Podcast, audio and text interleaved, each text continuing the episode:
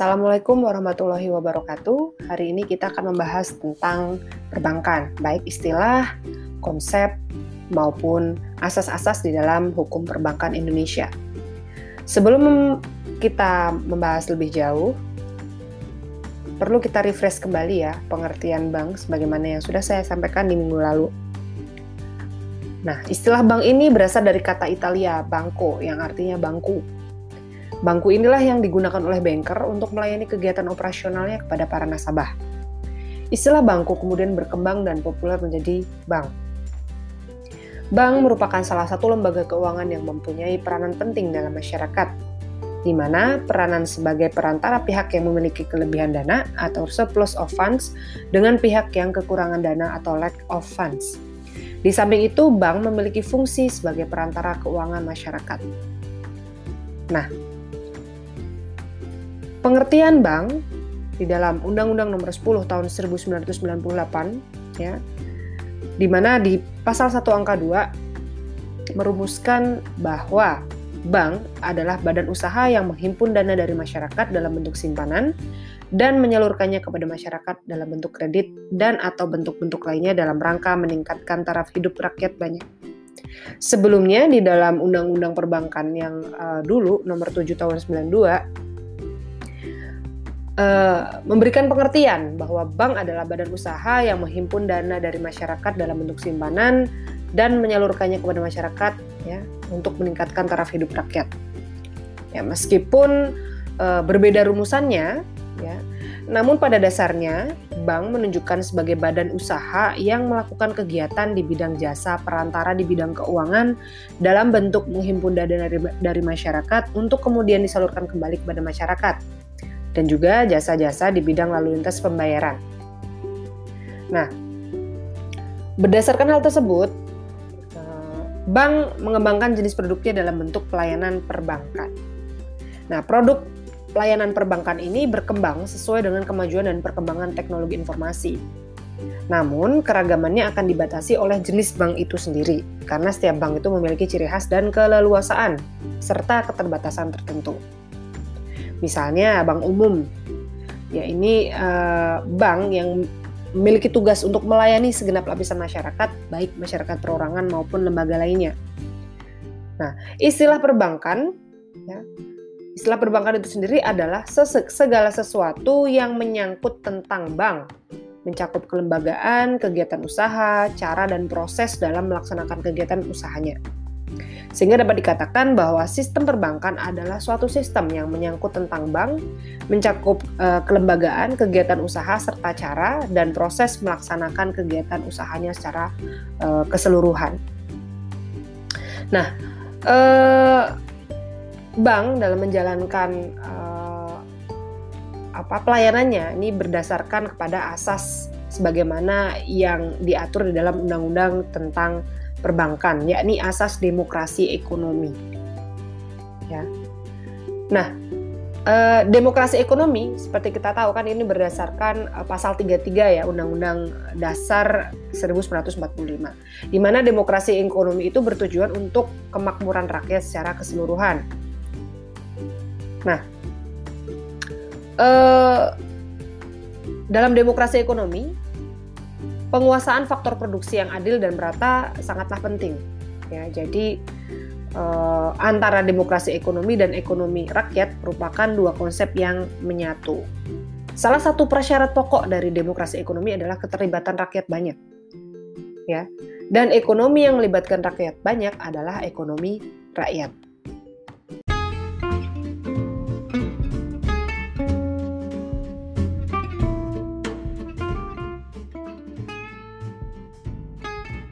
Karena kita tahu perbankan Indonesia dalam melaksanakan kegiatan usahanya itu berdasar, berdasarkan asas demokrasi ekonomi uh, sebagaimana diatur di dalam uh, undang-undang perbankan ya. Ketika saya menyampaikan undang-undang perbankan artinya adalah undang-undang nomor 10 tahun 98 yang saat ini berlaku uh, berdas, berasaskan demokrasi ekonomi dengan menggunakan prinsip kehati-hatian ya.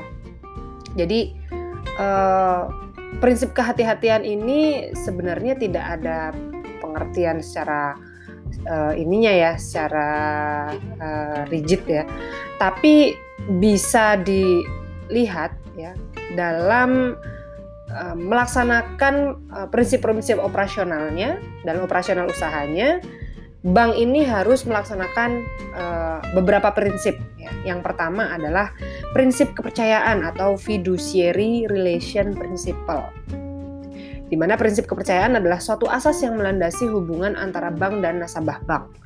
Bank berupaya menarik dana dari masyarakat yang disimpan berdasarkan kepercayaan, sehingga setiap bank perlu menjaga kesehatan banknya dengan tetap memelihara dan mempertahankan kepercayaan masyarakat. Kemudian yang kedua, prinsip yang kedua adalah prinsip kehati-hatian atau prudential principle. Prinsip kehati-hatian adalah suatu prinsip yang menegaskan bahwa bank dalam menjalankan kegiatan usaha baik dalam penghimpunan terutama dalam penyaluran dana kepada masyarakat harus sangat berhati-hati.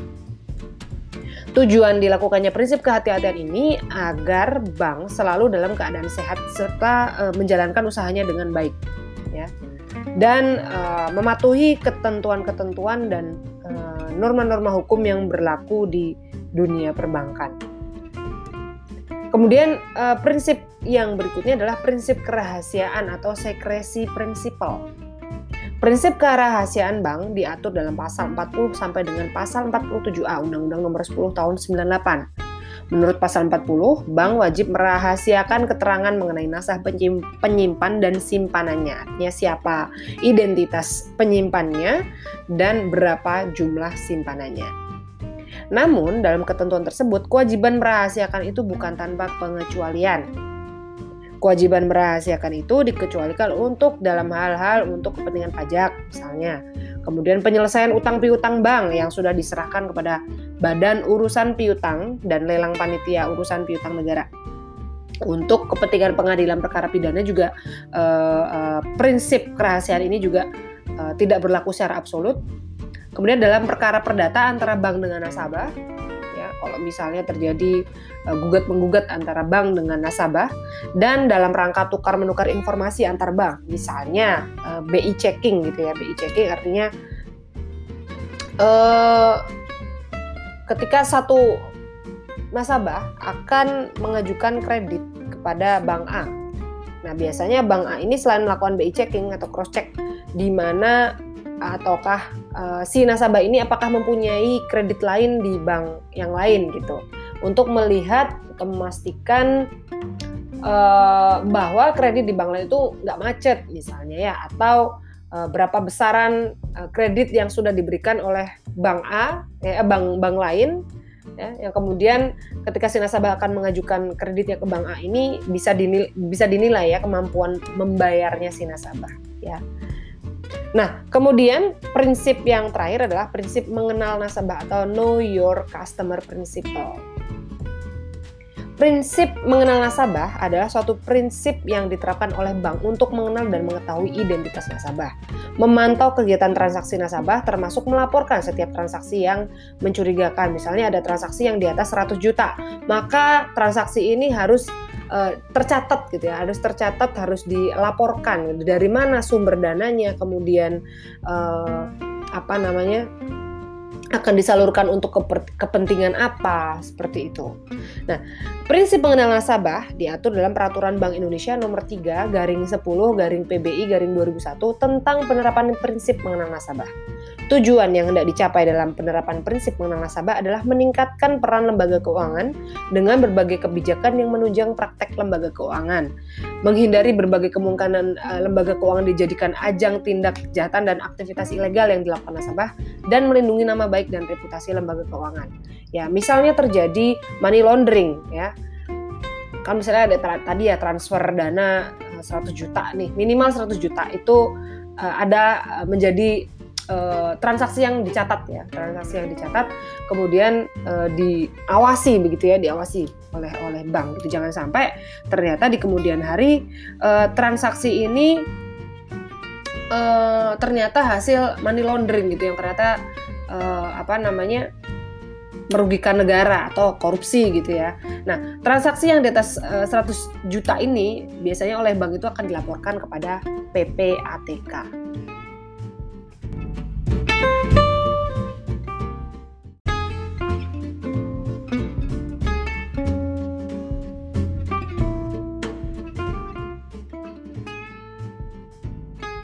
Karena kita tahu perbankan Indonesia dalam melaksanakan kegiatan usahanya itu berdasar, berdasarkan asas demokrasi ekonomi, uh, sebagaimana diatur di dalam uh, Undang-Undang Perbankan. Ya, ketika saya menyampaikan Undang-Undang Perbankan, artinya adalah Undang-Undang Nomor 10 Tahun 98 yang saat ini berlaku. Uh, berdas berasaskan demokrasi ekonomi dengan menggunakan prinsip kehati-hatian. Ya.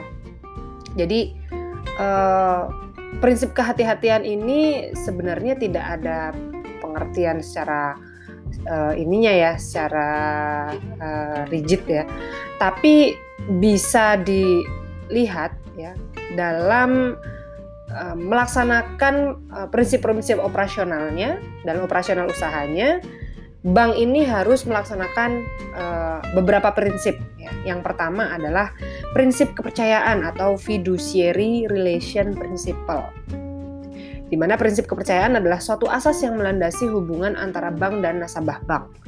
Bank berupaya menarik dana dari masyarakat yang disimpan berdasarkan kepercayaan, sehingga setiap bank perlu menjaga kesehatan banknya dengan tetap memelihara dan mempertahankan kepercayaan masyarakat. Kemudian yang kedua, prinsip yang kedua adalah prinsip kehati-hatian atau prudential principle. Prinsip kehati-hatian adalah suatu prinsip yang menegaskan bahwa bank dalam menjalankan kegiatan usaha baik dalam penghimpunan terutama dalam penyaluran dana kepada masyarakat harus sangat berhati-hati. Tujuan dilakukannya prinsip kehati-hatian ini agar bank selalu dalam keadaan sehat serta e, menjalankan usahanya dengan baik ya. Dan e, mematuhi ketentuan-ketentuan dan eh, norma-norma hukum yang berlaku di dunia perbankan. Kemudian uh, prinsip yang berikutnya adalah prinsip kerahasiaan atau secrecy principle. Prinsip kerahasiaan bank diatur dalam pasal 40 sampai dengan pasal 47A Undang-Undang Nomor 10 Tahun 98. Menurut pasal 40, bank wajib merahasiakan keterangan mengenai nasabah penyimpan dan simpanannya. Artinya siapa identitas penyimpannya dan berapa jumlah simpanannya. Namun, dalam ketentuan tersebut, kewajiban merahasiakan itu bukan tanpa pengecualian. Kewajiban merahasiakan itu dikecualikan untuk dalam hal-hal untuk kepentingan pajak, misalnya. Kemudian penyelesaian utang piutang bank yang sudah diserahkan kepada Badan Urusan Piutang dan Lelang Panitia Urusan Piutang Negara. Untuk kepentingan pengadilan perkara pidana juga uh, uh, prinsip kerahasiaan ini juga uh, tidak berlaku secara absolut Kemudian dalam perkara perdata antara bank dengan nasabah, kalau misalnya terjadi uh, gugat menggugat antara bank dengan nasabah dan dalam rangka tukar menukar informasi antar bank, misalnya eh, BI checking gitu ya, BI checking artinya uh, ketika satu nasabah akan mengajukan kredit kepada bank A. Nah, biasanya bank A ini selain melakukan BI checking atau cross check di mana ataukah uh, si nasabah ini apakah mempunyai kredit lain di bank yang lain gitu.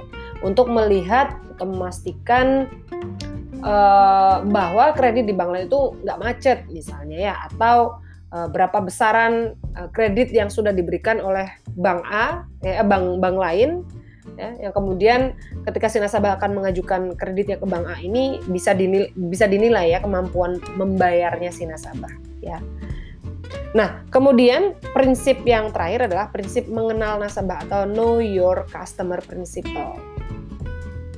Prinsip mengenal nasabah adalah suatu prinsip yang diterapkan oleh bank untuk mengenal dan mengetahui identitas nasabah, memantau kegiatan transaksi nasabah termasuk melaporkan setiap transaksi yang mencurigakan. Misalnya ada transaksi yang di atas 100 juta, maka transaksi ini harus uh, tercatat gitu ya harus tercatat harus dilaporkan dari mana sumber dananya kemudian uh, apa namanya akan disalurkan untuk kepentingan apa seperti itu.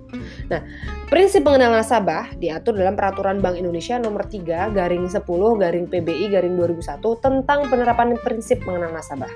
Tujuan yang hendak dicapai dalam penerapan prinsip mengenal nasabah adalah meningkatkan peran lembaga keuangan dengan berbagai kebijakan yang menunjang praktek lembaga keuangan, menghindari berbagai kemungkinan uh, lembaga keuangan dijadikan ajang tindak kejahatan dan aktivitas ilegal yang dilakukan nasabah, dan melindungi nama baik dan reputasi lembaga keuangan.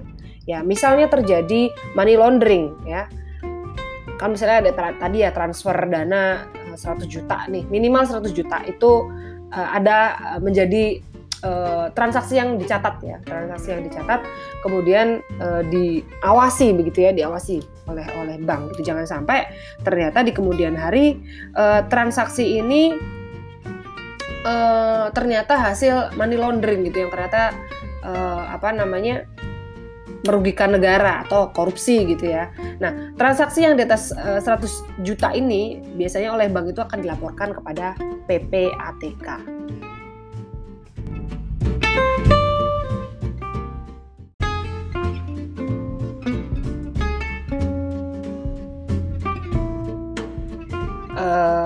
Di minggu lalu uh, saya sudah bahas terkait uh, uh, apa namanya fungsi-fungsi bank ya ada dia sebagai fungsi intermediari kemudian fungsi transmisi ya nah uh, sebagai lembaga perantara ya, ke, uh, bank itu menjalankan atau atau uh, melakukan kegiatannya itu berdasarkan kepada kepercayaan masyarakat gitu. Oleh karena itu, bank juga disebut sebagai lembaga kepercayaan ya, lembaga kepercayaan masyarakat. Nah, eh, bank ya, sebagai eh, lembaga intermediasi keuangan dan lembaga masyarakat, lembaga kepercayaan masyarakat maksud saya, dalam eh, bank dalam perbankan Indonesia ini terdiri dari berbagai macam jenis. Ya. Jadi akan saya sebutkan jenis-jenis bank yang ada di uh, dalam perbankan Indonesia. Yang pertama, jenis bank berdasarkan fungsinya. Berdasarkan fungsinya, bank itu ada uh, apa namanya? Ada beberapa macam ya. Yang pertama adalah bank sentral, yaitu Bank Indonesia yang bertugas mengatur kebijakan dan bidang keuangan moneter dalam dan pertumbuhan perekonomian di Indonesia, kemudian Bank Umum, kemudian BPR, ya. Kemudian ada bank berdasarkan jenis, uh, eh, jenis bank berdasarkan kepemilikannya. Ada beberapa macam. Yang pertama adalah BUMN, ya, bank BUMN, bank umum milik negara, yaitu bank yang hanya dapat didirikan berdasarkan undang-undang. Kemudian bank umum swasta, yaitu bank yang didirikan dan menjalankan usaha golongan pengusaha tertentu setelah mendapatkan izin dari Menteri Keuangan. Kemudian ada bank campuran, bank campuran yaitu bank yang didirikan bersama-sama oleh satu atau lebih bank umum yang berkedudukan di Indonesia dan didirikan oleh WNI atau Badan Hukum Indonesia dengan satu atau lebih yang berkedudukan di luar negeri. Kemudian yang keempat ada BPD, Bank Pembangunan Daerah, yaitu bank yang dimiliki oleh pemerintah daerah. Kemudian bank syariah, ya, yaitu bank yang menerapkan prinsip perbankan berdasarkan syariah Islam. Kemudian jenis bank menurut kegiatannya, ada yang namanya corporate bank, yaitu bank dengan pelayanan berskala besar. Ada retail bank, yaitu bank dengan pelayanan berskala kecil. Kemudian ada yang namanya retail corporate bank, yaitu bank dengan pelayanan berskala besar dan kecil. Nah, ada lagi jenis bank menurut status dan kedudukannya. Yang pertama adalah bank devisa. Bank devisa adalah bank yang dalam kegiatan usahanya dapat melakukan transaksi dalam valuta asing, ya misalnya dengan uh, dolar, yen, uh, dan mata uang mata uang yang lain ya di di negara-negara lain, baik dalam hal penghimpunan dan penyaluran dana serta dalam pemberian jasa-jasa keuangan. Dengan demikian, bank devisa dapat uh, melayani secara langsung transaksi-transaksi dalam skala internasional. Misalnya kayak saya kasih contoh aja ya satu bank uh, yang dia melayani uh, tabungan dolar. Misalnya inisialnya banknya uh, uh, bank uh, bet, apa namanya bank uh, B bank tabungan pipip gitu ya. Ya kalian mungkin ada yang pakai akun itu juga gitu. Dia dia uh, bank tersebut pelayanannya itu ada versi uh, apa namanya versi di handphone gitu ya yang memudahkan kita untuk melakukan simpanan kita nabung gitu dalam misalnya dengan valuta dolar ya dolar Amerika Serikat gitu Nah, kita nabung, kita menghimpun, kemudian uh, bank itu bisa menyalurkan dana ya dalam uh, transaksinya itu menggunakan valuta asing. Nah, yang kedua ya, bank adalah bank non devisa, yaitu bank umum yang masih berstatus non devisa yang hanya dapat melayani transaksi-transaksi di dalam negeri atau domestik. Bank umum non devisa dapat meningkatkan statusnya menjadi bank devisa setelah memenuhi ketentuan-ketentuan, misalnya e, volume usahanya minimal sudah mencapai jumlah tertentu, kemudian tingkat kesehatannya sudah bagus dan e, kemampuannya dalam memobilisasi dana serta memiliki tenaga kerja yang berpengalaman dalam valuta asing.